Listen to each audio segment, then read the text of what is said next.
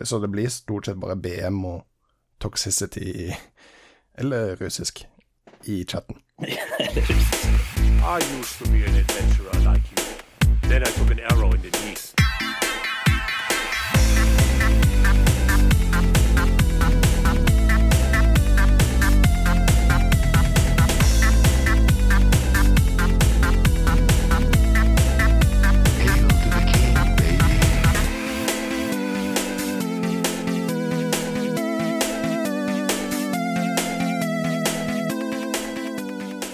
Hallo, alle sammen, og velkommen til Spill og chill podcast episode nummer tre. Jeg er Bob Rob, og dette er morgenkaffen min. Og det var en øl som eksploderte i bakgrunnen. Ja, men det sånn det skal være, da. Da er det fart og spenning. Dette er Gun Gun med sin vakre Grande Intenso spesial med en liten espresso. Å ja. ja. Det er min er bare vanlig bryggerkaffe, og helt ærlig talt, det var nettopp en øl som eksploderte i bakgrunnen, Gunnli. Ja, men det, da, det nærmer seg nyttårsaften. Det skal poppe, det skal sprenge. Da blir det fart. Kjerringa har laget juleøl, og den står lagra inne på, på rommet her. Så kom jeg inn på morgenen og så så at en av ølene hadde eksplodert. Så tenkte jeg hm, det var jo random. Men akkurat når jeg starta podcasten, så hører jeg bare poff bak meg. Og jo da, der gikk enda en juleøl. Så da har vi Ja, men da er det fart i ølen, da. Hvis, hvis det er så eksplosivt at, eh, at det poffer, så tenker jeg, tenker jeg det kan bli en fin juleøl å drikke. Da er det bra svart når du vet at glassflaskene eksploderer under, under For å si det sånn, det er ikke mange den du får i taxfree-en, for å si det sånn. Nei, absolutt ikke. Så, episode tre. Gratulerer, Gunnli. Vi eh, Jo, likeså, likeså. Julespecial og greier. Ja. Vi har eh, nå laget en, en trilogi. Det har vi. Mm, Og flere skal det bli. absolutt.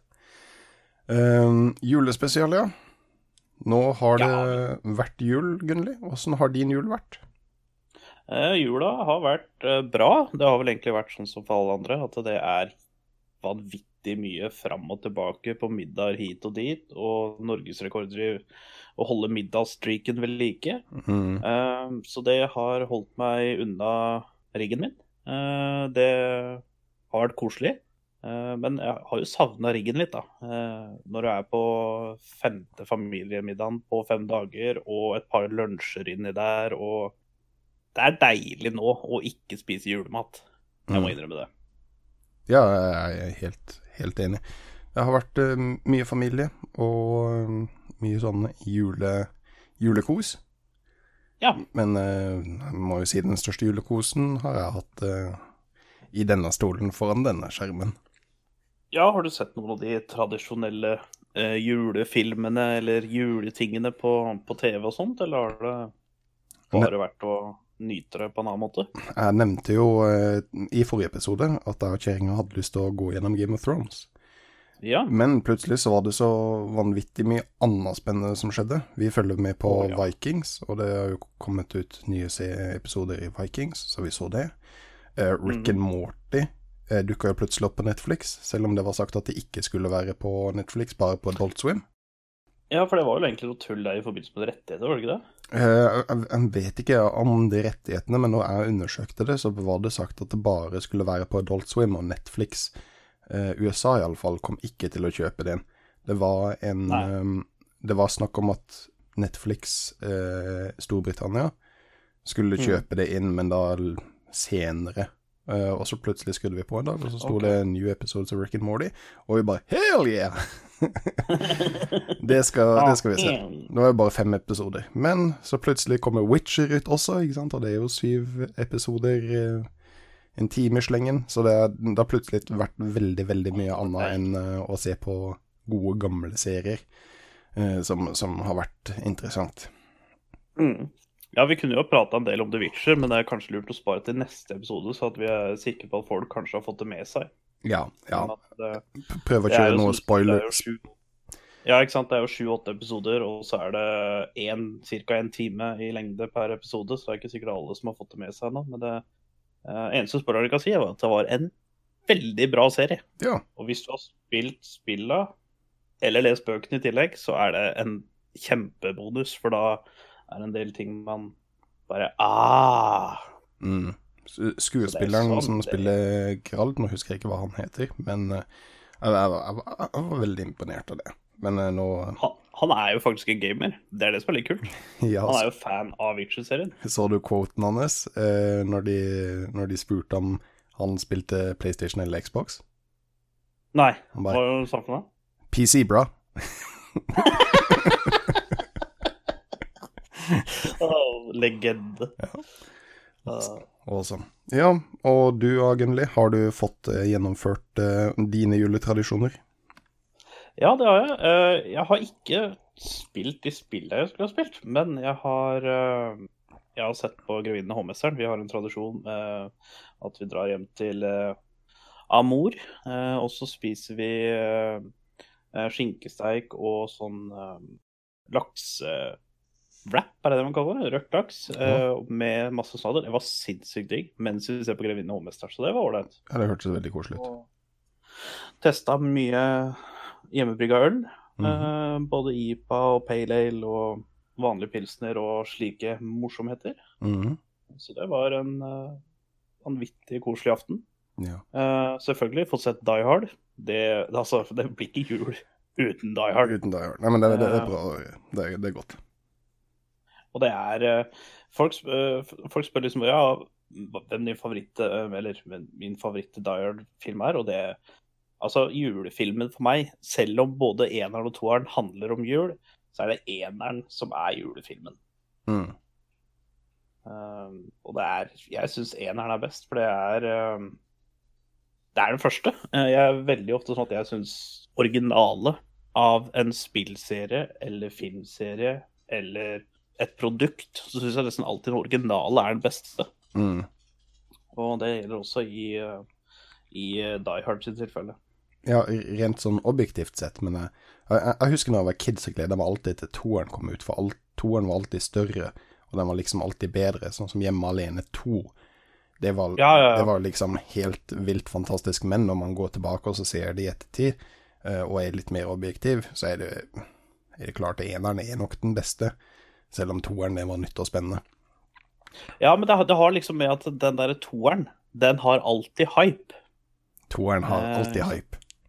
Ja, ikke sant, sånn som Istid, kanonfilm, og så bare, ikke sant, så kommer nyheten å, nå kommer Istid 2 ut, ikke sant, da er du skikkelig hypa. Mhm. Eh, og ja, altså som regel så innfrir det jo Altså Istid til 2 innfrir det. faktisk Istid tror jeg kanskje er en av de få filmseriene som har blitt bedre eh, etter hver film har lagd, så det er litt kult. Men eh, Ja, men nå begynner vi å komme opp i et såpass stort tall at eh, du, du kan vel ikke lenger stå bak den liksom- steinbiten. fallgruven er jo alltid på toeren, fordi Eller treeren, fordi det er hype, ikke sant? Sånn som eh, første Die Hard-filmen. eh, det var Altså, folk hadde Ja, de hadde hørt om det lite grann, men liksom den kom ut i Var det 88?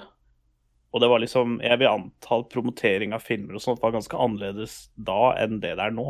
Hvilken film Så snakker du om nå? Die Hard. Oh, ja, okay, ok. Die Hard. Ja, ok, Da er jeg med. Uh, Og jeg vil jo tro det at uh, at uh, det, var, det var jo ikke hypa på samme måte sånn som det er hypa i dag. For i dag så kommer det ut, ligger det på nettet hele tida, det blir gitt ut videoer og alt mulig sånn. Mm. Mens før da så var det bare bannere i store byer. Så liksom bare Ja, nå kommer Die på kino, bla, bla, så Så se da, da. Og da tenker jeg at når Die Hard 2 kommer, da var folk megahypa, for at Die Hard 1 er kanskje topp fem all time greatest movies i min greie, da. Så toeren kan få en fallgruve, eller det kan bli megahypa. Ja, ja. Jeg, jeg ser den, og sånn er det jo også litt innenfor for spillverden. Altså, The, Mm. The Witcher, mens vi var inne på det, har jo, har jo gjort det veldig riktig. Eneren var bra, eh, toeren var Mm. kjempebra.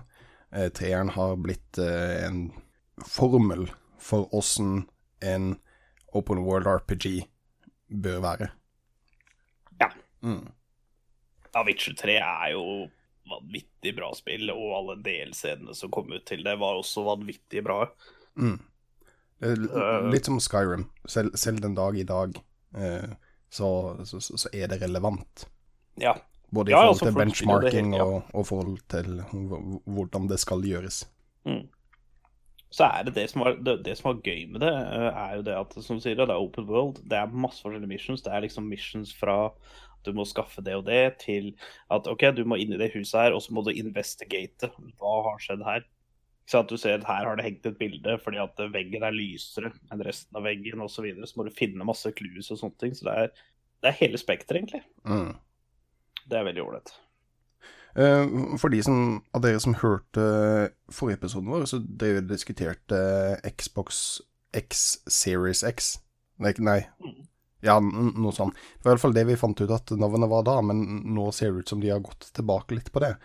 Eh, og sier Ja, det at den ok. eh, nye Xboxen, den skal bare hete Xbox. Eh, Mm. Og Series X er i den grupperinga, eller den serien, da. Så eh, Xbox One X er også i Series X, og den neste generasjonen kommer også til å være i Series X, som vi var inne på, at alle disse spillene og tilleggskomponentene som du kjøper, de vil kunne fungere innenfor den her Series X-en.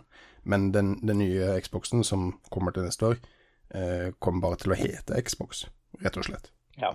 Jeg er ikke helt sikker på hvor de fant opp naming scheme til det, kanskje de ga opp, men eh, det, det er cleant, det er enkelt, det er en Xbox. jeg har en teori på hvorfor det heter Xbox One. Ja. Eller hvorfor det heter Xbox Series X. Mm. Det er Microsoft. Windows X, eller Windows 10, mm. er jo ute nå. Og det var den som skulle starte det ka- eh, med at Xbox og Microsoft hadde kunne spille de samme spillene på begge plattformer. Derfor har det matchende navn med Windows X og Xbox X. Ja, jeg, jeg kjøper den. Det, den. det høres veldig logisk ut.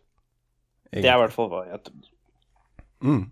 Hvis, hvis det skal være noe logisk. For da tenker jeg at han heter jo Xbox uh, Series X. Altså det skal være det derre Xbox uh, Gen 10, da. Ja, ja. Både på Microsoft sin PC og Xbox. Ja, for det som er viktig nå, er det, det er plattformen og ikke nødvendigvis konsollen. Ja. ja. Nei, men jeg, jeg, jeg kjøper den. Det var bare litt eh, morsomt at alle sammen regner med at den het Series X, og så kommer Microsoft og så sier nei, nei, det, det er ikke Ja, helt ja, riktig. lurte vi dere. Ja, ja det, det er ikke helt riktig. Det er ikke det den egentlig heter. Jeg har begynt å føle, få litt sånn russebuss-vibes med at den først het Project eh, Scarlett, og så heter den Series X, og så de bare nei da, den heter ikke det. Nei, Det er ordentlig- det ordentlige navnet vil bli revealed senere. Xbox Microsoft X. Ja. Hva har vi spilt for noe spennende i det siste, Gunnli? Kan ikke du starte litt med det? Ja, det er klart jeg kan. Eh, jeg har spilt League, uh, Shocker, Ja, det var sjokkerende. Warcraft 3, Ok. Starcraft 2. Ja, du sier Warcraft 3, ikke, um, ikke Reforged. Nei, den kommer ut i slutten av januar. Det ble utsatt. Ja, det så- skal egentlig komme ut på nyttårsaften, men har blitt satt ut litt. Mm. Så det er den gode, gamle Warcraft 3. Gode, gamle Warcraft 3, The Frozen Thorn. Tøft. Ja, så har jeg spilt Red Dead Online. Mm. Eh, Starcraft 2, jeg husker ikke om jeg nevnte det, men der var jeg veldig rusten, men det var gøy. Og så har jeg spilt lite grann på min 3DS, Ok. Pokémon Y. Pokémon Y. Ok. Fikk ikke sove ennå. Jeg fant fram gamle DS-en, fyrte den opp, hadde litt batteri igjen, så tenkte jeg ja, men da ser vi hva dette er for noe. Mm. Og inni der så var Mario Kart og Pokémon Y, så vi prøvde begge deler, og det var artig. Mario Kart, ja.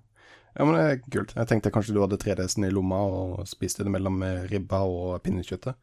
Ja, nei, det var, det var faktisk ikke så dedikert eh, i år. Jeg spilte mye mobilspill, da. Uh, men det skal jeg komme litt tilbake til. Mm. Um, Og du da, Prøff? Jo, uh, jeg har spilt veldig mye rart. En kompis av meg som heter LP Skinny, fant ut at vi måtte finne eh, sånn flerspillerspill som vi kunne ta oss og herje med sammen. Og plutselig så dukka det opp et spill som het eh, Bo Borotrama. Borotrauma, eller noe sånt. Der har du lagt inn en god time på veldig kort tid. Ja, eh, plutselig så ble det 104 timer på bare to døgn, tror jeg det var. Det var Nei, ikke så mye. Nei, det, vi spilte det veldig mye, og det var kjempemorsomt. Eh, hele spillet er på en måte en eh, sånn shelter-spill, hvor du har forskjellige rom i forskjellige etasjer, men dette er inne i en ubåt. Så du styrer ubåten nede i vannet på en av månene til Jupiter. eh, og driver også og explorer og prøver å mine forskjellige eh, ting, finne artefacts og selvfølgelig slåss mot monstre. Og det er så stressende, og du må gjøre alt som er riktig, hvis ikke så går det lutt til helvete. Og det, og det er kjempemorsomt, for du må stole på kameratene dine om at de fikser motoren, mens han ene styrer båten, og han tredje driver og skyter gunsa for å treffe, treffe monstrene og, og sånn. Mm. Så, så det er veldig, veldig veldig mye samarbeid. Så når vi sitter på Discord, så sitter vi og skriker til hverandre. «Å, 'Fiks motoren, skyt der, løp og hent mer ammunisjon'. inn, må ut og uh, mm, eh, welde opp eh, ubåten igjen, for vi holder på å synke. Vi tar inn masse vann, og det er, det er kjempemorsomt. Um, du kan spille det alene med bots, men eh, vi har funnet ut at uh, å, å spille det sånn som er tre eller fire kompiser er et fantastisk bra spill. Det er, det er kjempemorsomt. Mm. Så det har jeg lagt en del tid i. Og så har jeg spilt mm, en del Dota Underlords i duos mod. Så vi snakka litt om Jeg lurer på om det var første episoden vi snakka om det. Eh, også kjempemorsomt. Legger et helt nytt lag til Dota Underlords, så det er absolutt eh, verdt å, å sjekke ut. Og sist, men ikke minst, så har vi jo logga vanvittig mange timer i Rainbow Six Siege. Uff, ja. Jeg vil kalle det kanskje årets julespill for meg. Ja, Det, det. Ja, det har blitt det for meg også. Vi har vel nesten vært en, flere timer der enn i liv. Ja, jeg tror vi nesten har vært der hver eneste dag i, i løpet av jula. Og det har vært kjempemorsomt, for nå har vi vært oppe i ranked og drevet oss og, og herja litt der. Ja, stjålet litt ILO fra folk. Mhm. Det har jo vært veldig artig. Og du, vi har jo levela opp en del òg, for da vi begynte, så var jo både du og teamet nå hadde jo ikke høy nok level til å spille ranked. Nei. Så når vi fikk Så det har opp gått en del timer, da. Ja, ja. Men det, det, det har vært veldig mye opp og ned, altså. Fordi jeg, jeg har en liten issue med uh, ranked-systemet til, uh, til Rainbow Six, spesielt i de lavere rankene som vi er nå, da. For, ehm, for vi kunne sitte en hel dag og spille, og så starter jeg på Silver 2. Mm. Uh, og så går jeg ned til um, um, brons 1, og så går jeg opp til silver 3 igjen. Så vi har på en måte bare vært helt ned på stigen, og så helt opp igjen. Og grunnen til det tror jeg det er fordi det er veldig mye smurfs rundt omkring i, i det området eh, som, som vi spiller, da. Den ranken som vi, vi er. Hovedsakelig for å sikkert booste kompiser, eller bare rett og slett for å smurfe. For vi er jo inne i games hvor eh, det er én som har tolv kills, og resten av teamet har én, to eller til og med Ja. null kills. Og da, og da er det jo veldig ofte at vi, vi taper noen av de matchene, når de bare wiper hele teamet vårt. Og det er, det er litt frustrerende, for rank skal jo være at du møter folk som er noenlunde like gode som deg, sånn at det blir jevne matcher. Men det mm. vi så som skjedde, var at vi, vi spilte bra sammen, og levela en del opp til f.eks. sølv, og så fikk vi en sånn streak hvor vi møter veldig mye smurfs, og så havner jeg plutselig ned i bronse igjen. Du er jo oppe i gull nå, er du ikke det? Jeg er gold 3 igjen nå. Ja, og Tellmann er um, medium sølv. Men jeg, jeg, kom, jeg kom meg ikke noe høyere opp enn en høy bronse eller lav sølv, fordi hvis du vinner fem matcher, så taper vi de fem neste matchene, og så er jeg tilbake i det utgangspunktet som vi var.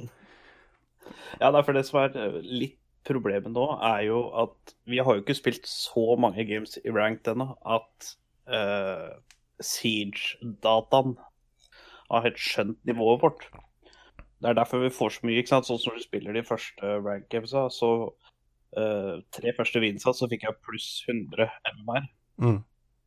Men når du spiller mer og mer, så vil det dette ned uh, mer og mer òg, da. Fordi da vil du havne på et sånt nivå hvor systemet skjønner at vet du hva, du er en Gold 3-spiller, f.eks. Mm. Så hvis du vinner uh, en kamp mot folk som er i Gold 2, så vil du få litt mer MMR per vinn enn hvis du møter folk i, i Sølv 1, f.eks. Mm. Så etter hvert så kommer det tallet til å krympe ganske hardt.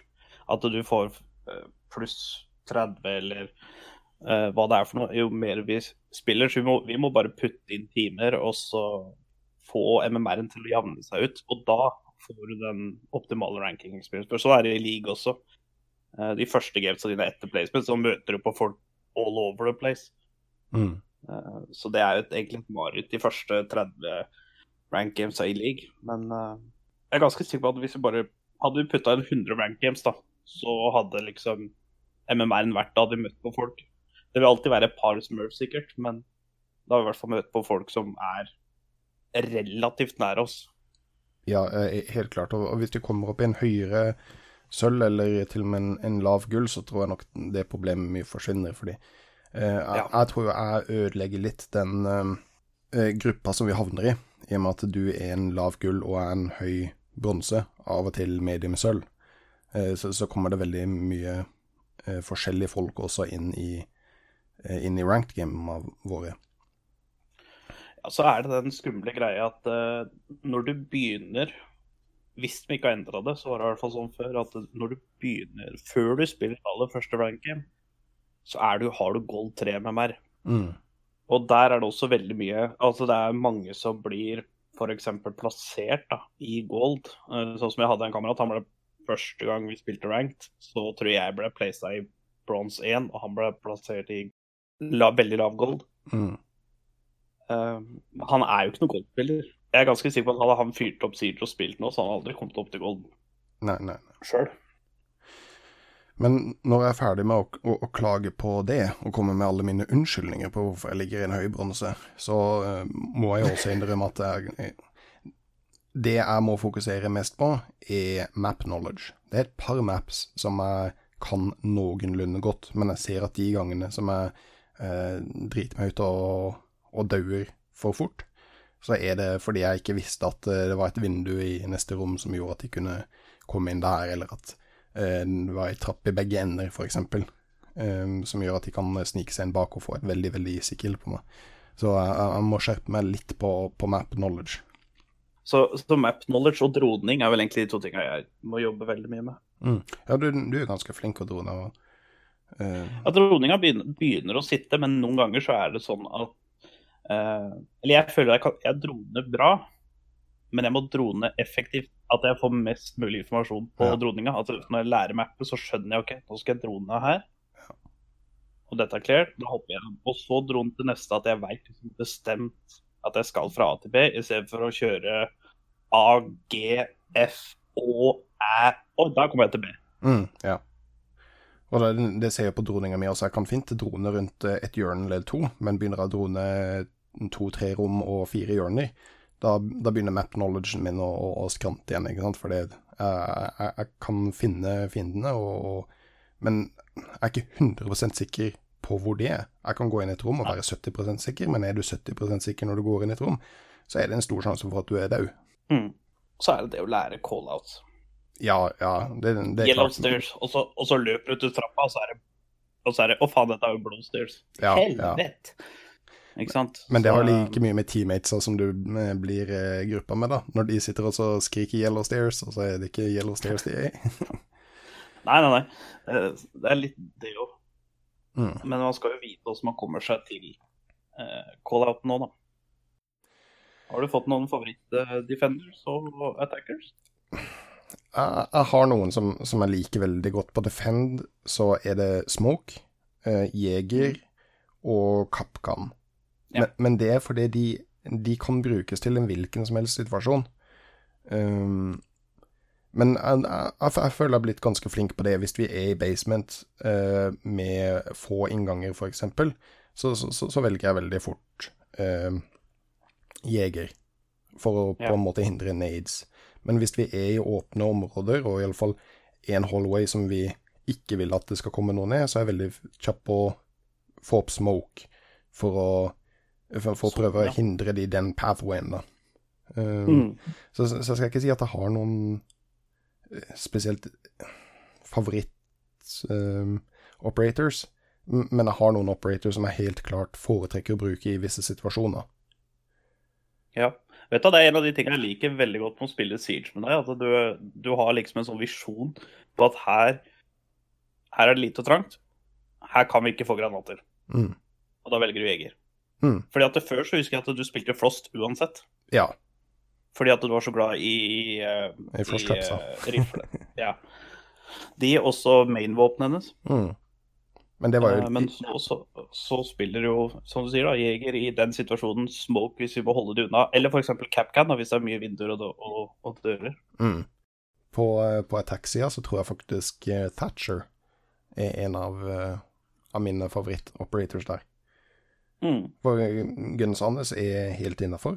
Du har veldig mye utility mot Bandit Og Claymore. Og, Ja, ja, og Claymore, ikke minst, fordi jeg er veldig dårlig på er kameraer. Jeg er veldig dårlig på kameraer. Så når de klarer å spotte hvor jeg er, f.eks.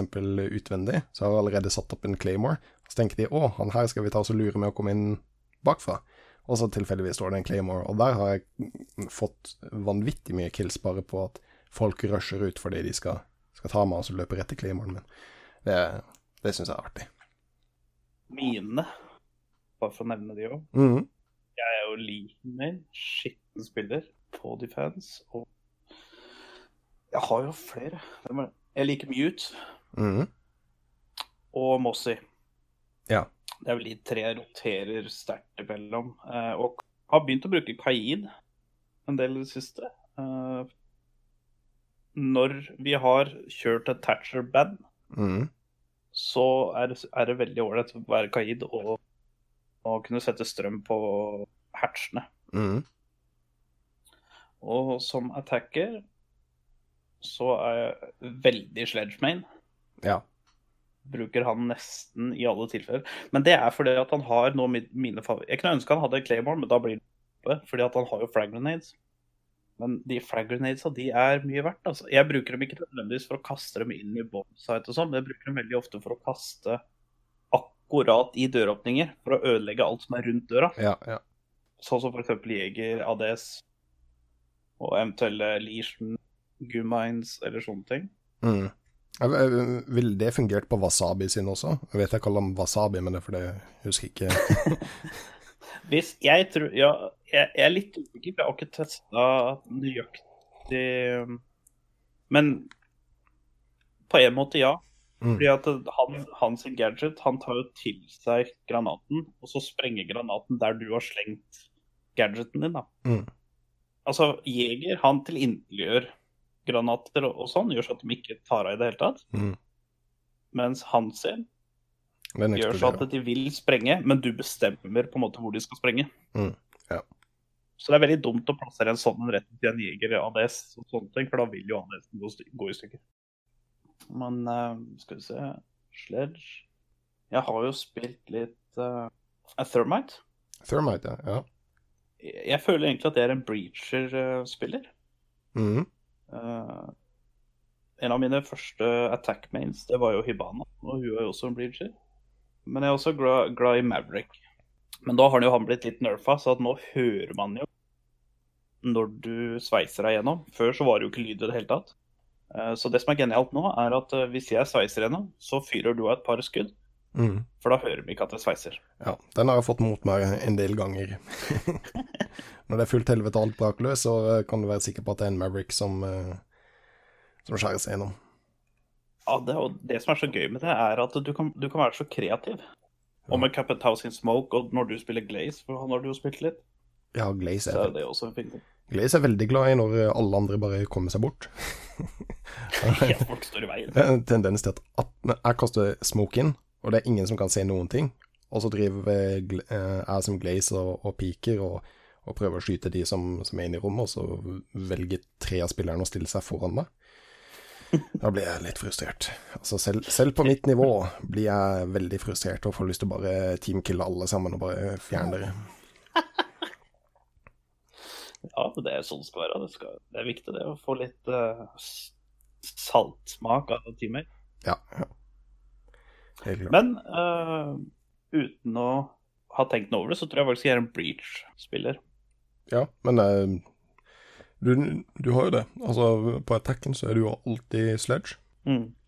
Um, så det, det er veldig kjekt å la deg gå først som på en måte For, for det første kanskje er den beste spilleren, og for det andre har den breachen og bare kan gå rett gjennom og, så, og, og pike og sørge for at alt sammen er klart, sånn at vi andre kan, kan komme inn. Du har jo gjort noe nytt når Ja. du ikke har Build Siege. Du Mm. har jo testa noen launcher. Ja.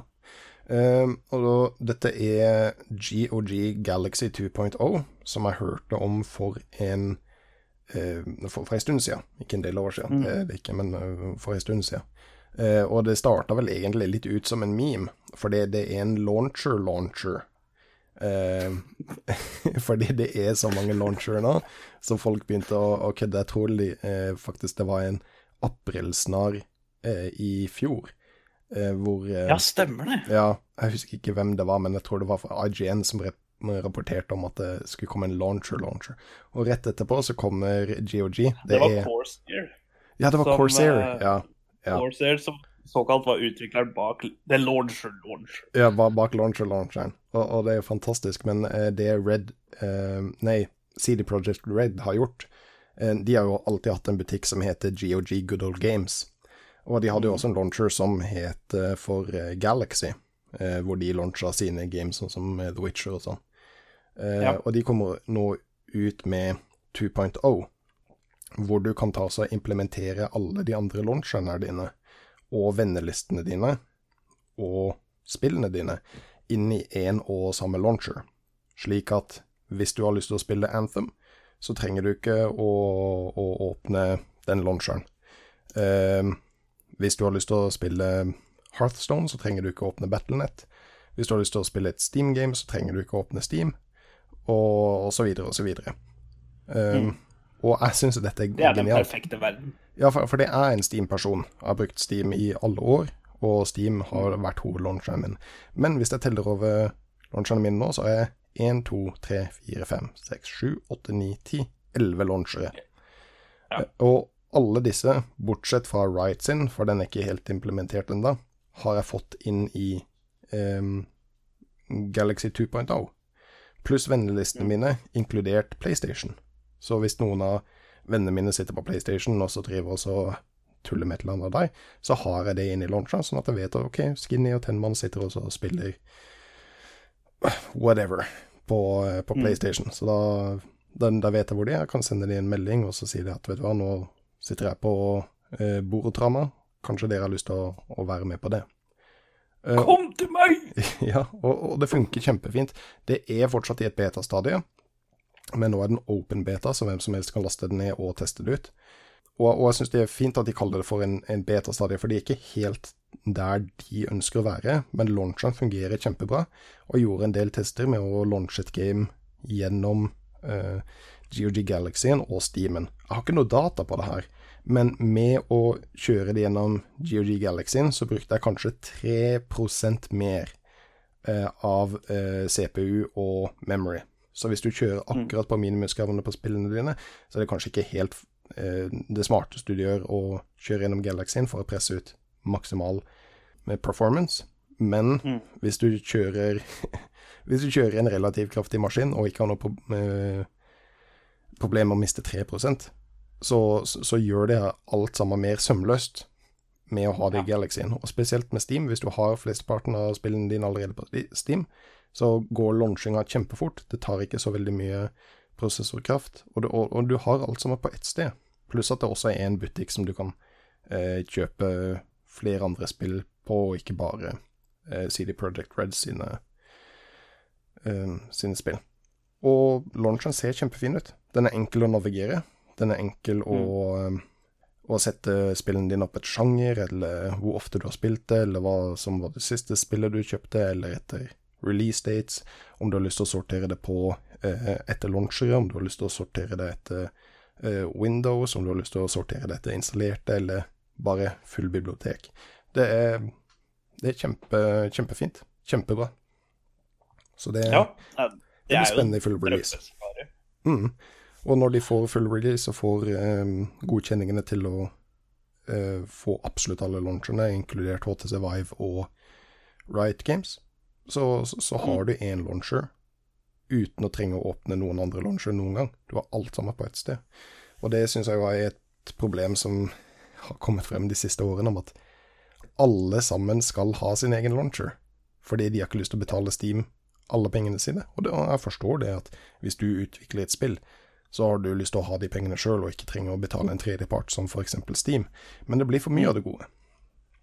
Sånn som Ja, det som er problemet nå, er jo fyrer du opp Siege, så må du gjennom Uplay sin launcher mm, og Steam sin launcher. Altså du har to launchere som må kjøres samtidig. Ja. Og det er der det på en måte går litt over uh, stopp og rock. Ja. Uh, og sånn er det ja, altså, Sånn som Red Dead, da, så er det samme. Har du det på Steam, så må du kjøre det på Steam, og så Rockstar Game Launcher. Mm, har du det på, sånn som jeg, har det på Epic Games, da må jeg kjøre Epic Games sin launcher og Rockstar Game Launcher. Og, og det, kan jeg, det kan jeg også nevne med GOG Galaxy. Det gjør, det gjør den også, men den gjør det mer sømløst. Så når jeg går inn i Siege gjennom Steam, så får jeg ikke achievements, og jeg får ikke profilbildet mitt fra Uplay. Men det gjør jeg gjennom GOG Galaxy, fordi den logger inn i Uplayen før den launcher gamen. Så da får jeg alle Ja. achievementsa mine og alt sammen uh, in game. Så jeg foretrekker å launche det gjennom Galaxy istedenfor Steam, fordi du, du, du får alt sammen gjennom Uplayen. Ja, jeg har bare lasta det ned. Jeg har ikke installert det, men jeg skal installere, for at det Det er jo drømmeverden. Hvis dette går smertefritt, og de får alle lisenser og sånne ting, så er jo det det verden trenger i dag. Mm.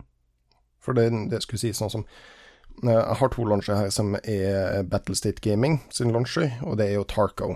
Så for å spille Tarco, så må du jo åpne den. Eh, bare legg den inn gjennom GOG Galaxy når det blir implementert, så har du den ferdig der. Så har jeg jo også Spellbreak, spill som jeg hadde trua på, men ikke har spilt noe særlig. men jeg må ha launcheren for det, så hvis jeg skal inn og kikke der, så må jeg liksom åpne den ene eh, den egne launcheren for Spellbreak. Men med GOG Galaxy så, så, så har jeg alt sammen der. Jeg trenger aldri å åpne en eneste launcher til. Så launcher, launcher, kjempeopplegg. Det er, det er fremtida. Ja, altså, selv om det høres veldig mye makt ut, så er vi der at det er så forbanna mange launchere at det Ja, blir det er mer stress. Og, og spesielt det med venner også, ikke sant. Hvis du sitter inne i Rights and Launcher, eh, og noen andre sitter inne i uh, Battlenet, noen er på Ubisoft eller Uplayen, og noen er Mm. på Steamen, så det er ingen av oss som kan se hva de andre holder på med, eller i det hele tatt vite at de er online. Men med Galaxyen samler du hele den vennlista, så sier du men jeg har jo sju venner som er online. Kanskje vi skal ta oss og spille en runde med you name it. Mm. Ja, det er veldig kjekt, og så er det jo mange som så, så, Du kan jo argumentere for at ja, men alle bruker Discord, så du ser hvem som er online eller ikke. Men det er jo mange som kun bruker Discord hvis de skal prate med folk. Ja. Så de, hvis du er pålogga på PlayStation, så syns jo ikke det på Discord. Nei, og hvis du er på Uplay, så syns det ikke på Discord, og du gjør kanskje det på Riot, jo, men jeg tror ikke du gjør det på Battlenet. Battlenet tror jeg du ikke får på Discord. Nei. Nei, så det er eh, Det er veldig kjekt å få alt, alt under én plattform, eller én launcher. Alt som gjør det lettere, uh, syns jeg er velkomment. Ja, og det er jo Det var jo det Spotify gjorde da det kom ut. Og det var det Netflix gjorde da det kom ut. Du fikk alt på ett sted. Mm. Derfor det blitt en suksess. Derfor tror jeg dette også blir en stor suksess. For, for der sier du jo også noe Det her med egne launchere, så, så, kan du overføre det til egne streaming services også.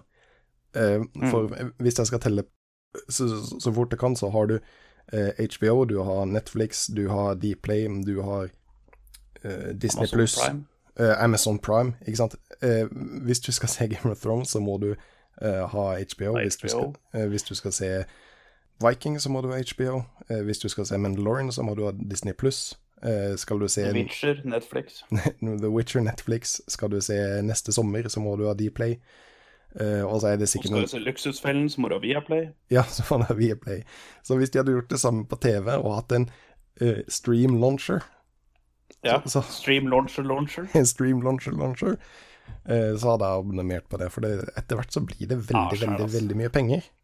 Det er jo veldig mye av de samme på Det er bare et par serier som er spesifikt til f.eks. HBO mm.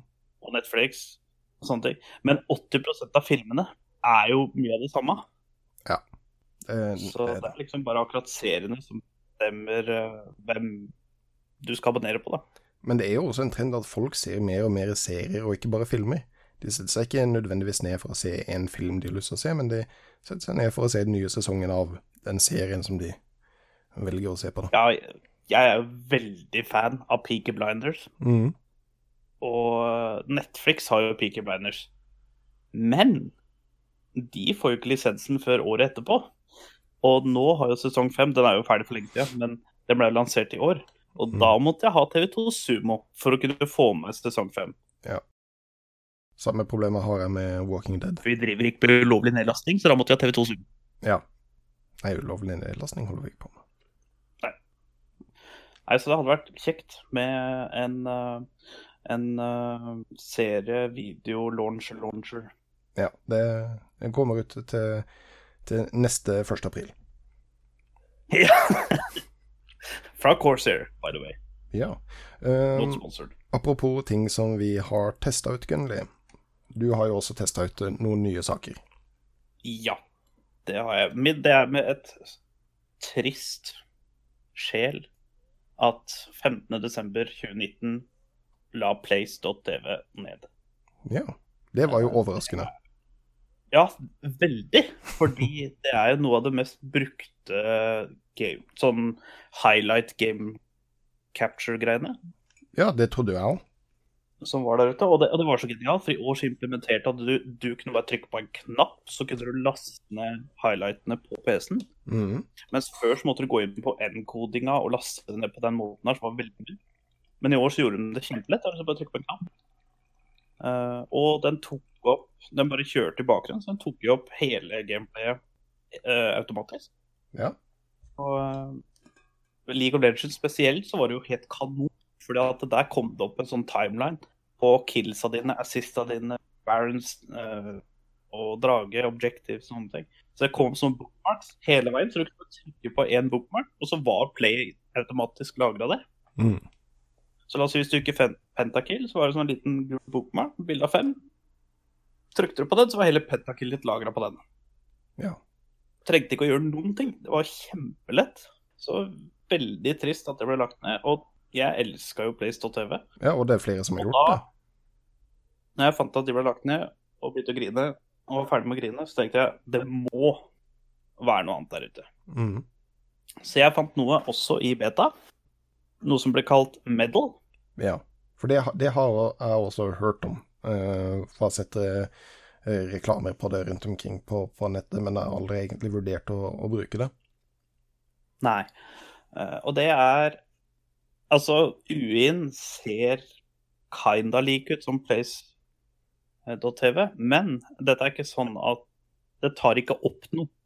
Med mer eller mindre du sier at det skal ta opp noe. Ok.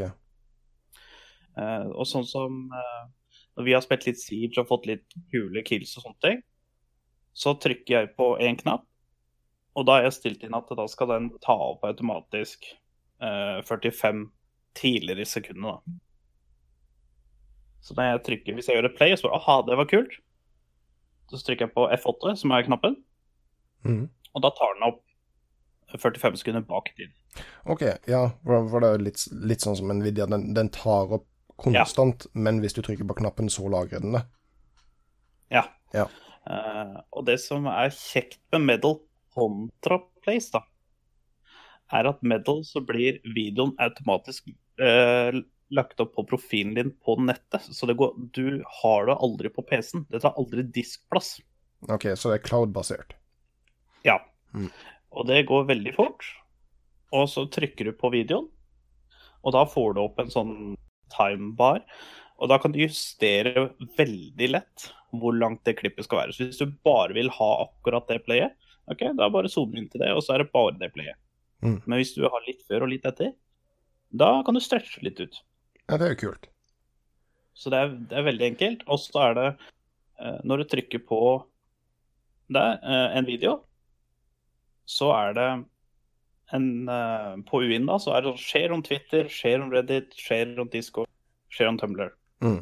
Eller kop eh, kopier linken og send det til venner. Så det er sånn, Du kan legge til uh, f.eks. Twitteren din, da, og så bare Vet du hva, det klippet var kult. Trykker bare på skjer om Twitter, vops, så er det oppe på Twitter med en gang. Ja, det er jo jævlig kjekt. Ja, det, og, og sammen med Discord. Jeg har jo lagra Spill og chill-serveren på det. Så hvis jeg trykker på share on Discord, så kommer det automatisk der i videokanalen vår. Ja. Det må du jo begynne å gjøre, vet du. Ja, det må jeg gjøre. Mm. Uh, hva var det jeg skulle si? uh, hvorfor er dette beta? Hva, hva er det de ikke har implementert som de skal implementere i fremtiden? For du sa det var beta, var det? Sa du ikke? Jo, uh, det jeg har fått med meg, er at de prøver å finne ut uh, litt enklere måter Hvis du vil ha klippet på uh, PC-en, da, Mm. hvordan du lett kan laste det ned og litt sånne ting. Og så er det litt med at uh, alle har jo brukt Place, Mm. så de har på en måte ikke fått testa det ut på sitt fulle potensial ennå. Nei. De trenger, en, de trenger en brukerbase for å for eventuelt lete etter bugs. Ja, Mm. basically. Så dette er, det er ute på en test nå, men det er Det er ikke det samme som PlayStation TV, men du kan legge til venner her òg. Du kan chatte med folk der inne. Du kan se feed. Hvis du har venner, da, så ser du liksom alle highlightsa som de har lagt opp. Mm. Og så kan du se dine egne klipp og sånne ting. Så det er egentlig veldig oversiktlig. Og du kan adde til Twitch og, og Steam og alt mulig rart. Men og, hvordan er det for, for det er klart, PlayStore har ikke lagt ned fordi de ikke hadde noen brukerbase, men de må jo ha lagt ned fordi den økonomiske modellen deres ikke har fungert. Åssen Ja. er det Medal nå tjener penger? Det er jeg litt usikker på. Ja. Uh, jeg er veldig usikker på hvem som eier Medal, og FAQ-en i Medal generelt. Mm. For har du noen mulighet til å kjøpe noe premiums eller uh, Ja. eh, Så det er vel ikke Noe noe du ikke kan kjøpe premiums eller noe. Um. Nei, det, det, kan du si. Men eh, det, det, må jo, det må jo være noe som de kan tjene penger på, eller er det bare ad-basert? Er det sånn at du har masse ads når du bruker det og sånn? det er ikke noe ads. Nei. Ingen ads i det hele tatt. En ting jeg bare må nevne, som jeg glemte å si, er at eh, hvis du spiller med kontroller, så er det også lagra for at du skal kunne trykke på en opptaksknapp gjennom kontrollen. Å ja. ja. Sånn som share-knappen Så- på PS4, for eksempel. Ja. Eh, og så kan du velge da eh, åssen resolution du skal ha, mye FPS du skal ha, eh, og bitrate og sånne ting, og, og lengden på videoen. Mm. Da går det fra 15 sekunder til eh, to minutter Mm. by default. En ting de ikke de, de har implementert, men de har liksom på en måte ikke Det har ikke blitt satt i gang ennå, og det har sikkert litt av den betatesten å gjøre. Det er at du kan velge hvor du skal ha filmene dine. Mm. Og så kan du velge etter hvert om du skal ha de direkte lasta ned til den folderen. da. Men det har de ikke implementert ennå. Det har de bare begynt å lage litt på fordi eh, det er i beta. Ja. Men Og så er det veldig greit, fordi at du kan velge om, om det skal gå utover GP-en din eller CP-en din. Ja, det er jo bra. Det er jo tøft at de har implementert eh, sånn type eh, hardvareakselerasjon. Mm. Og da kan du velge der liksom med, eh, når du skal publisere videoen, og når du skal gjøre det, osv. Men eh, hva er det er grunnen til at du valgte medal? Eh, medal? Er det fordi det ikke er veldig mange andre alternativer der ute, eller er det bare fordi du fant ut at det var dette du skulle teste? Det var egentlig tilfeldig. Mm. Jeg kikka på lister over Fordi at eh, Medal har lisens på de samme godkjente spillene som PlayStation TV har. Mm. Og det er hundrevis av de. Altså Hvis du skal scrolle gjennom alle de, så får du krampe i fingeren. Ja, ok. Men det som er litt artig, de har jo lagt ut en liste over alle de spillene.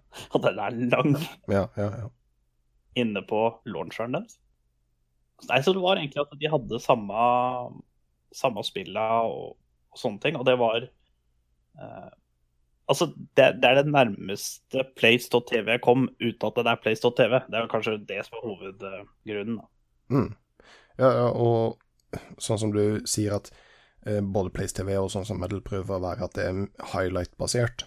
At eh, de har eh, implementasjoner med en rekke spill som gjør det at å finne highlightsa dine og, og tagge de riktig og sånn, at, at det eh, Det er veldig lett. At det er veldig lett, ja. Fordi jeg bruker Ja. jo hovedsakelig Nvidia sin og eh, OBS.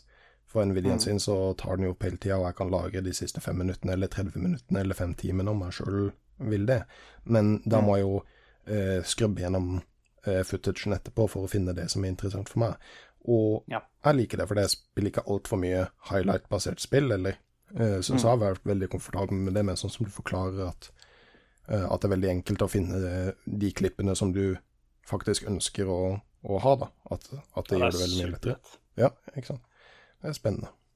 Og det er eh, Jeg spiller jo veldig mye PVP-spill, så det er jo klart at det Siege for eksempel, der er det mye highlights som bare fosser inn. eh, fordi at der kan du gjøre clutcher plays hele tida. Eller Mm. plays som du sjøl liker, da. Som, det betyr ikke at andre syns at det er kule, men hvis du liker det sjøl, så er jo det som teller. Ja, ja, Og det er liksom trykker jeg fått det, og så er liksom hele playet lagra. mm. Og, eh, og spiller f.eks. sånn som uh, World of Warcraft eller Final Fantasy 14, sånn, så er det liksom ikke samme type highlights, men mer eller mindre du får eh, en achievement da, som du jobber et halvt år med å skaffe, liksom. Mm. Det er liksom bare, da kan du lagre at du fikk det, f.eks. Men eh, uh, sånn PVP-messig og sånne ting, så er det jo Eller hvis du spiller f.eks. GTA online eller et eller annet da som kult skjer, så er det liksom bare å trykke, og så har du det. Og du Sånn at du slipper å ta opp, sånn at det tar ikke noe diskplass i det hele tatt. Det er veldig digg. Ja, ja. Nei, det høres kjempebra ut. Så vi får høre litt tilbake etter hvert som du har, har brukt det her og, og blitt enda mer kjent med det.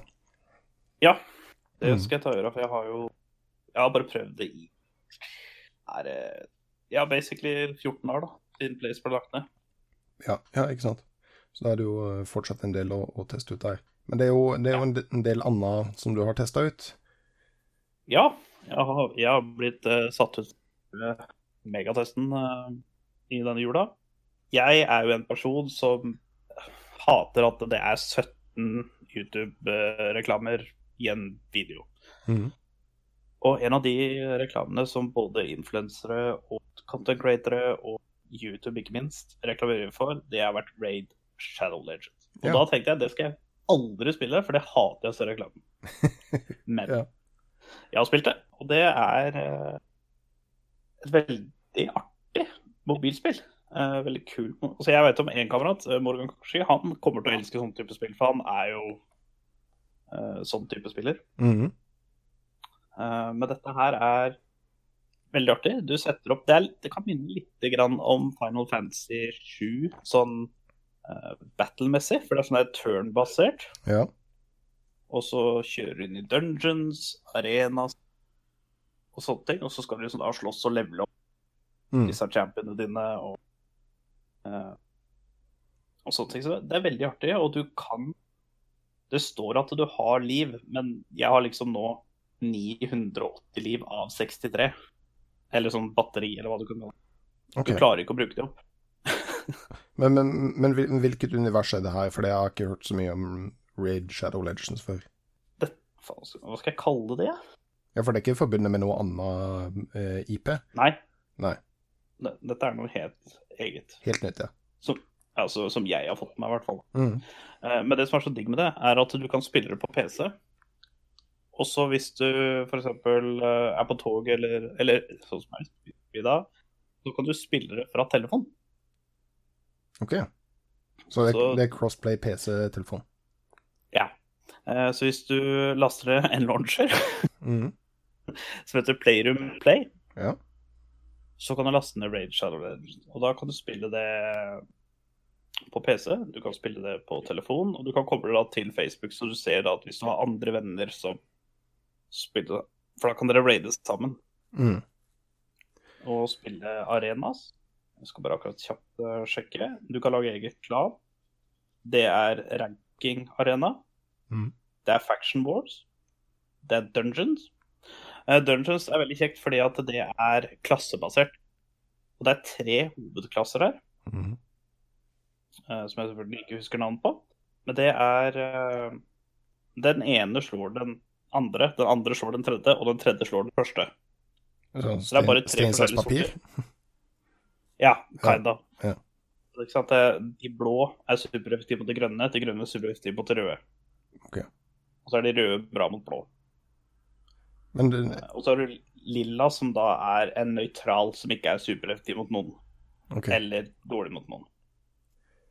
Men i og med at den, dette er et mobilspill, har det noe av de her mobilspillsykdommene som eh, eh, mikrotransaksjoner, eh, pay to win og, og sånn? Jeg vil si de har mikrotransaksjoner. Du kan kjøpe masse stæsj, mm. men jeg veit ikke om jeg vil kalle det pay to win. Ok. Jeg er litt usikker på om du kan kalle det Patrion. For det er, jo- ja, det er jo klart at hvis du kan bruke penger på å spåne en uh, scared epic legendary shard. Ok. Istedenfor bare de common, and common rare, som du får mer eller mindre gratis hele tida. Så jeg veit ikke om de jeg, jeg har aldri spilt mot en som har en legendary shard, eller som har fått en champion derfra. Men eh, jeg vil jo anta at det er Jeg tror ikke det er pay to win, altså. Nei. Er det, hvor mye koster spillet, eller er det free to play? Gratis. Det er free. Helt gratis, alt som er. Ja. Da får vi håpe at det... det er en eh, viable forretningsmodell, da. Ja, jeg håper det. Eh, og det er sånn at du, du leveler opp champion, sånn som én stjerne. De kan nå den og den makslevel, og en tostjerner kan nå f.eks. makslevel 20. Og for at den da skal kunne levele opp videre, så må du ha eller tre andre champions på level 20, og fortsette dem til én champ til den champion, som gjør sånn at han kan få høyere level. Så du oppgraderer dem fra en tostjerner til en trestjerner. Eh, Så du får jo veldig mange énstjerner, så du må prøve å få de opp til to stjerner, og så kan du prøve å få de opp til tre stjerner. Og det er det som er da, hvis du får en legendary eller epic, så er det fire stjerner, ikke sant. Så jeg vet ikke om de er noe sterkere statsmessig, men du kan levele de høyere. Ok. Så er det på en måte en sånn, sånn samlekortmekanikk? Ja, kind of, ja. ja, litt sånn som auto-chess eller uh, Ja. ja. Men her er det sånn at du må ha eksempel, Nå vet jeg aldri levela opp en enstjerner, men jeg vet at to stjerner de går opp til 20. Ok. Så du må ha tre to-stjerner der for å levele opp, eller for å få en større stjerne. Men det kan være hvem som helst to stjerner. Det må ikke være samme to stjerner. Men det tar jo litt tid å få alle to stjernerne opp til 20, da. Ja. Uh, og så kan du eh, levele opp eller upgrade alle itemsa dine. Og det er faktisk veldig bra grafikk. Jeg er jo litt uh, satt meg litt i den kampanjen nå, og det liker jeg veldig godt. Jeg har jo ikke kommet veldig langt, så jeg kan liksom ikke si så mye annet enn at jeg liker det så langt. Mhm. Så jeg vil si at eh, jeg ble positivt overraska til å hate reklamene. ja, skjønner jeg. Så Rage Hello Legends, hvis det høres interessant ut, sjekk det ut. Men du har jo testa en del andre ting også? Hvis, hvis dere spiller Blades of Legends, bare si ifra, for da kan jeg hadde det. Ja. Do that. Discord. Eh, jeg har jo spilt uh, mer Red Dead Redemption Online. Mhm. Og nå har jeg blitt en bounty hunter. Congrats. Yes. Det Og så prøver jeg å jobbe opp med å få trader-leveren min høy nok til jeg kan begynne med moonshine. Det er veldig artig. Eh, Jeg vet jo det at eh, du trenger ikke å spille mye for å bli bounty hunter og sånn, men jeg har ikke lagt inn veldig mye tid i det. Men jeg syns det er veldig gøy sånn Ja, sånn som etter vi har spilt uh, Siege, for eksempel, da. Bare få det til å dryppe litt. Så går jeg inn og gjør et par bounties i Red Dead Online, f.eks. Det er kult. Nei, så, så det har vært litt artig der.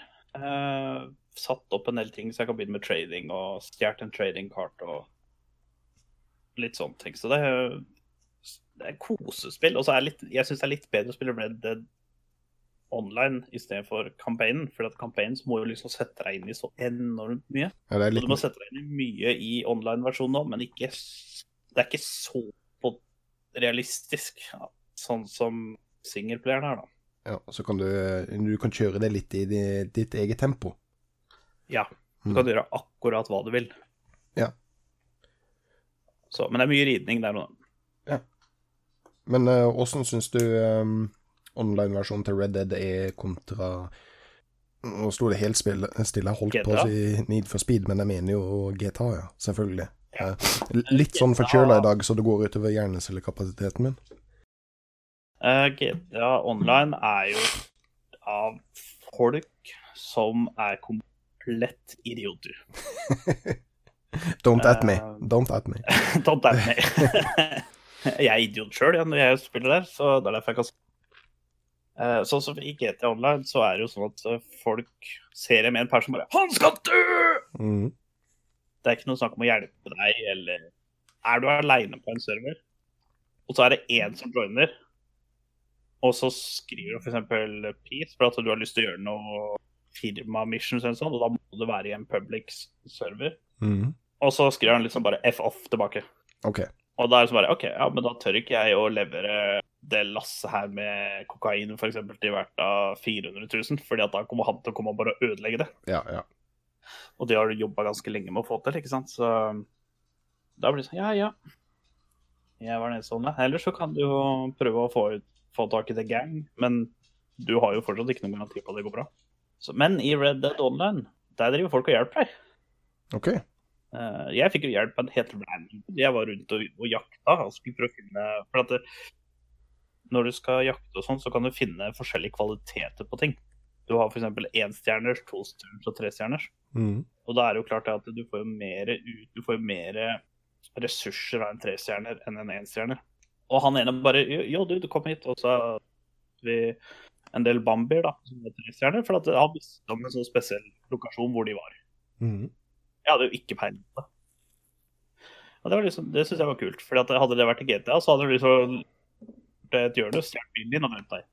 Så det er litt positivt over av, av eh, Red Dead Online. Men jeg hater at du kan kjøpe in game currency.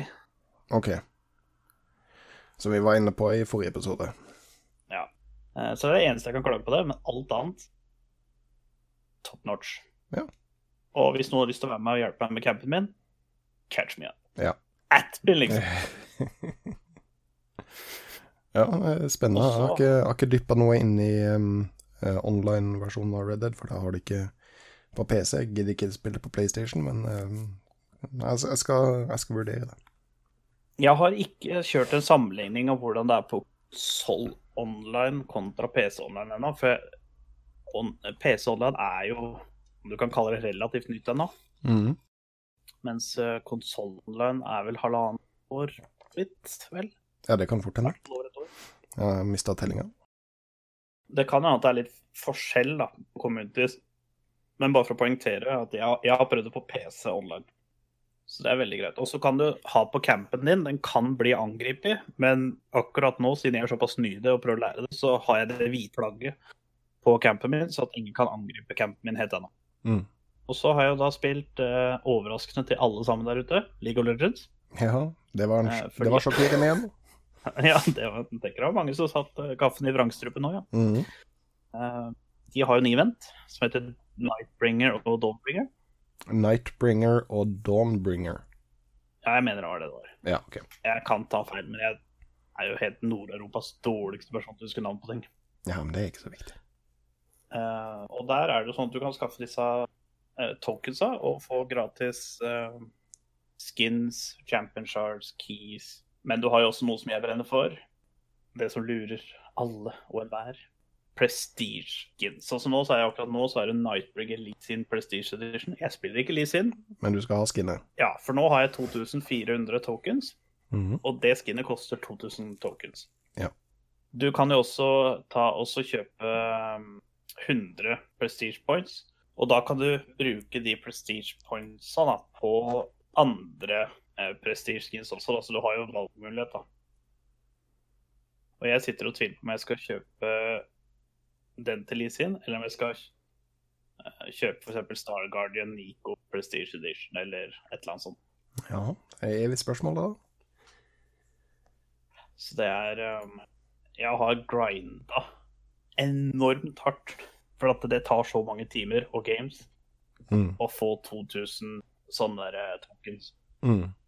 Du kan jo kjøpe tokens, men det er ekstremt dyrt.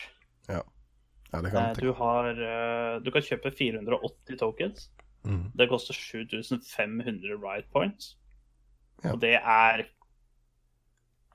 60 euro ish. Å ja. Og skal du da kjøpe opp til 2000, så må du jo ha fem sånne. Og da er det oppe i 3000, nei, 300 euro. da er det her 3000 kroner. Det er litt eh, Det er sikkert noen som gjør det, men det er altfor mye penger å bruke på et gratisspill, spør du meg. Ja, det, jo, det, det kan du si. Jeg, jeg kommer nok ikke til å gjøre det. Ikke det at jeg spiller så mye League of Legends lenger, men Nei, så det, det har vært mye på det eventet der nå. Uh, nye champion Aphelius har begynt å sette seg litt ned. Folk skjønner også som skal spille den. Han er OPAF. Jeg har spilt den litt. Jeg digger den. He's my dog. Så um, han er kjempeartig å spille. De gangene han ikke er banna. Jeg, jeg er ikke noe god inn. Jeg tror ikke jeg holder min rank i nivå når jeg spiller han. Jeg, jeg, tror, jeg tror ikke jeg bør bruke han i rank helt ennå. Nei, nei, men er han morsom å spille, så skjønner jeg jo, Ja skjønner jo at, du, at du spiller han. Ja, han er veldig artig. Mm. Men uh, Ja. nå har det vært jul. Har du fått noe kult? Kult og kult. Jeg har fått uh, praktiske ting. Jeg har fått en Ja, del øl. Um, jeg har fått uh, Som spregger i bakgrunnen? Nei, det var det som kjerringa laga. Jeg, sitter- jeg sitter bare og venter på at neste skal sprenge, altså. Ja. Så jeg, jeg sitter litt, eh, litt i spenning akkurat nå. Nei, jeg har fått en del øl, jeg har fått uh, noe klær. Uh, jeg har fått et ølkrus som holder seg kaldt, så du kan ta nesten varm øl og tømme oppi, og så blir ølen kald.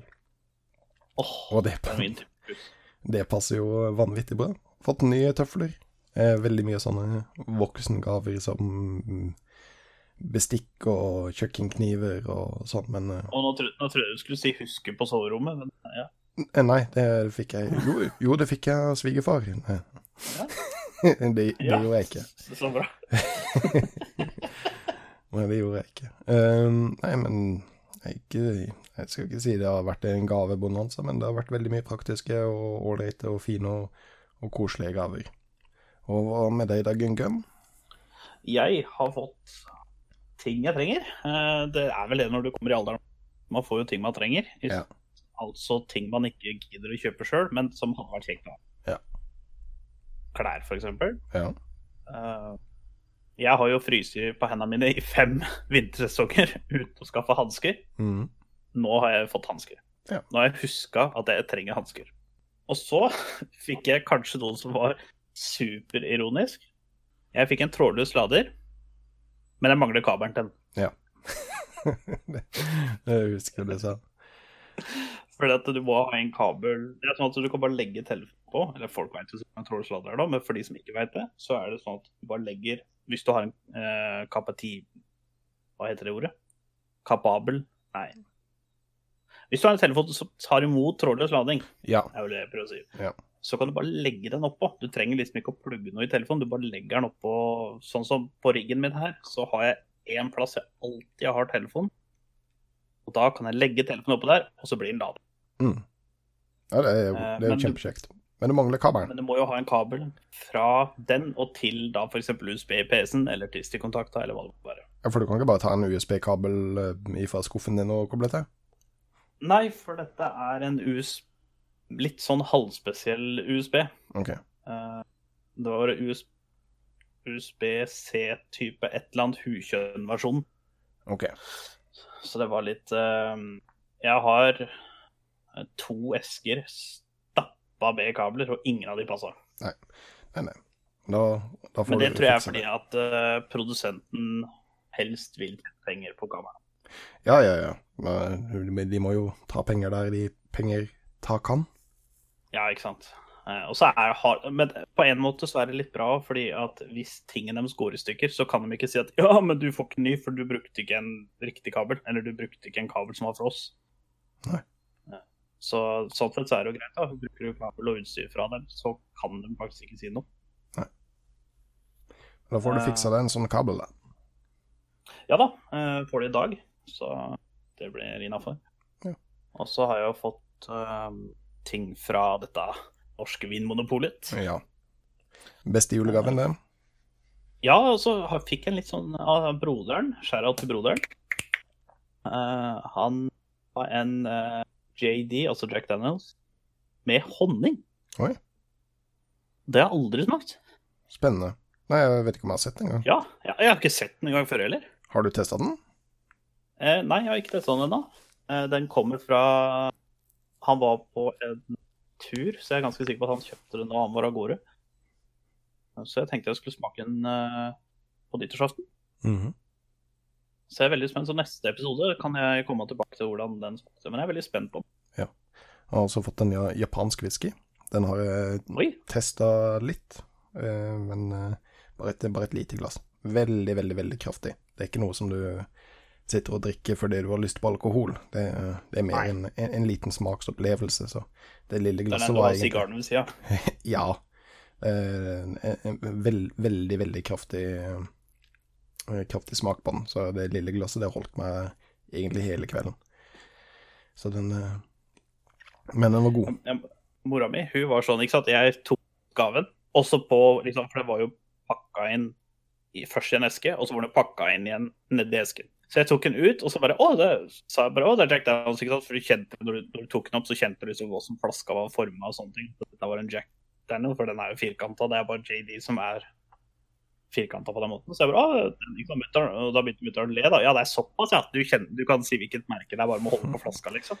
Jim Beam er jo ganske lik flaske, da.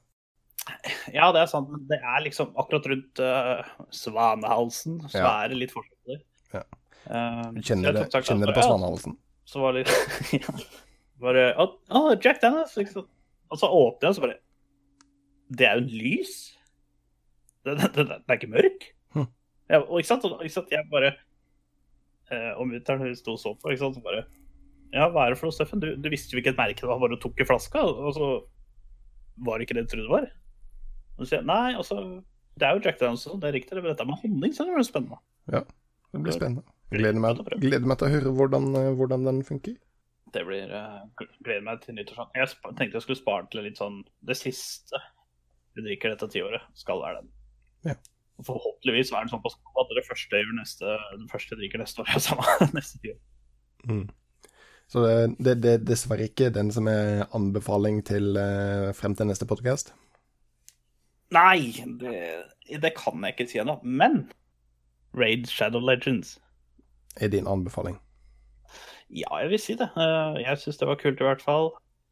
Uh, Hvis dere ikke har sett The Witcher på Netflix, Mm. anbefaler jeg det på det sterkeste. Jeg veit, nå har jeg promotert Netflix veldig mye, men først The Irishman, og nå The Witcher. Ja, men de har jo mye bra. Og det er så bra! Mm. Hvor, hvor liksom Altså, The Irishman, det er kanskje beste filmen jeg har sett på dette tiåret.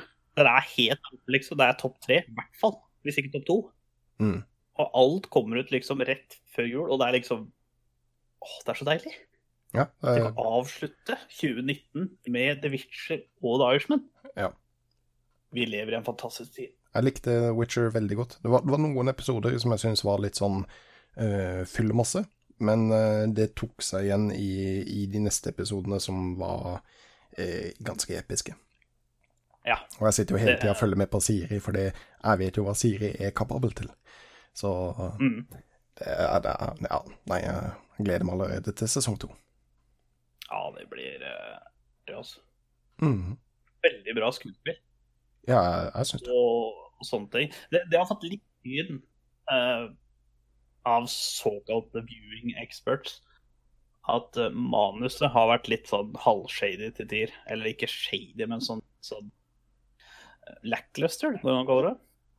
Men hvis du, hvis du bare på en måte setter deg ned og, og, og sier at du skal få ære med på, på denne ferden, og, og bare fordype deg i historien som skjer, så, så, så glemmer du det veldig, veldig fort.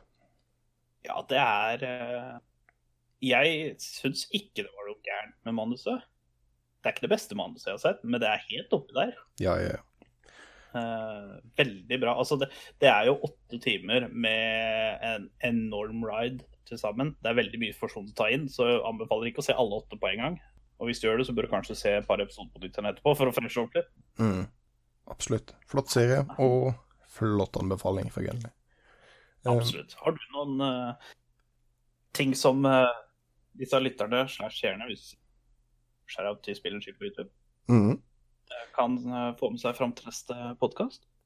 Um, ja, og jeg kommer til å ha en anbefaling som jeg nevnte tidligere i episoden, og det er Borotrama. Ehm, Som sagt, du kan fint spille det alene, men hvis du har tre kompiser som du liker å spille med, jeg lurer på at det koster eh, rett over hundrelappen. Det er det verdt. Eh, ja, jeg syns det. Eh, s- så hvis du har tre kompiser som har mer enn 100 kroner, eh, så, så bør dere teste det. For det er Det blir veldig mye sprø situasjoner ut av det. Det er veldig samarbeidsbasert, og det er til tider veldig, veldig, veldig morsomt. Så det, det vil jeg anbefale å, å, å sjekke ut. Mm. Det er nok ikke et spill du kommer til å spille hele 2020, men eh, det er, det er mange timer med mye morsomt der. Det er en perfekt måte å starte året på. Ja, ja, ja. Jeg syns det. Så det er het. eh, Bare en sånn liten, liten informasjon til lytterne som måtte lure. Neste episode blir mandag 13. januar. Ja. Vi prøver å kjøre to episoder i måneden. Mm. Det er da mandager som det blir gitt ut på, men nå har det vært jul og sånne ting, så da har vi hatt tida til å klinke inn en episode med en ukes mellomrom. Mm. Men da blir neste da, um, mandag den 13. om to uker fra du hører denne. Ja. For nå skal jo du av gårde på LAN og samle inn litt um, Samle inn litt uh, erfaringer derifra. Og så er det snart tilbake på jobb igjen. Ferdig med jul- og nyttårsferie. Så, mm. så 13. høres egentlig veldig, veldig bra ut. Og da skal vi også klare å få den ut på Spotify. Eh, vi sliter litt med å få den ut på um, Apple, men uh, Spotify skal vi iallfall uh, få episodene våre opp på, sånn at du kan høre de der fremover. Ja, det hadde vært helt konge. Mm. Der, eh, der er det Bob Rob som er uh, the big guy. Ja. Han fikser ting, vet du. Så, så, så, så det, det, det må vi eh, få til. Men dette har jo vært en uh, veldig ålreit stream. Det har skjedd så mye siden sist. Det har bare vært en uke. Ja, ja, ja.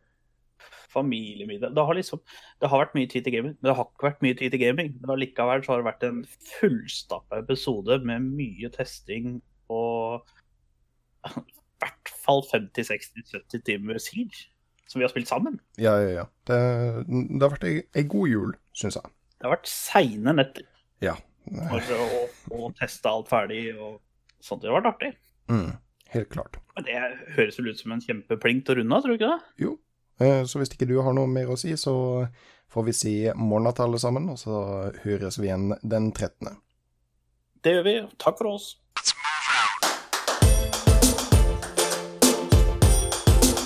You're good, kid. But as long as I'm around, you're second best. You might as well learn to live with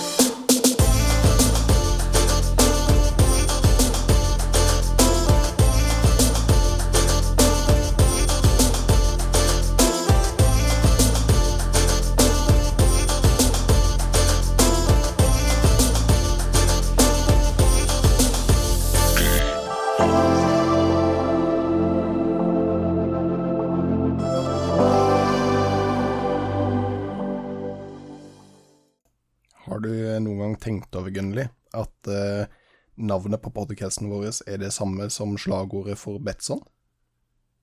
Er det det? Spill og chill Wow. med lykkebokseren.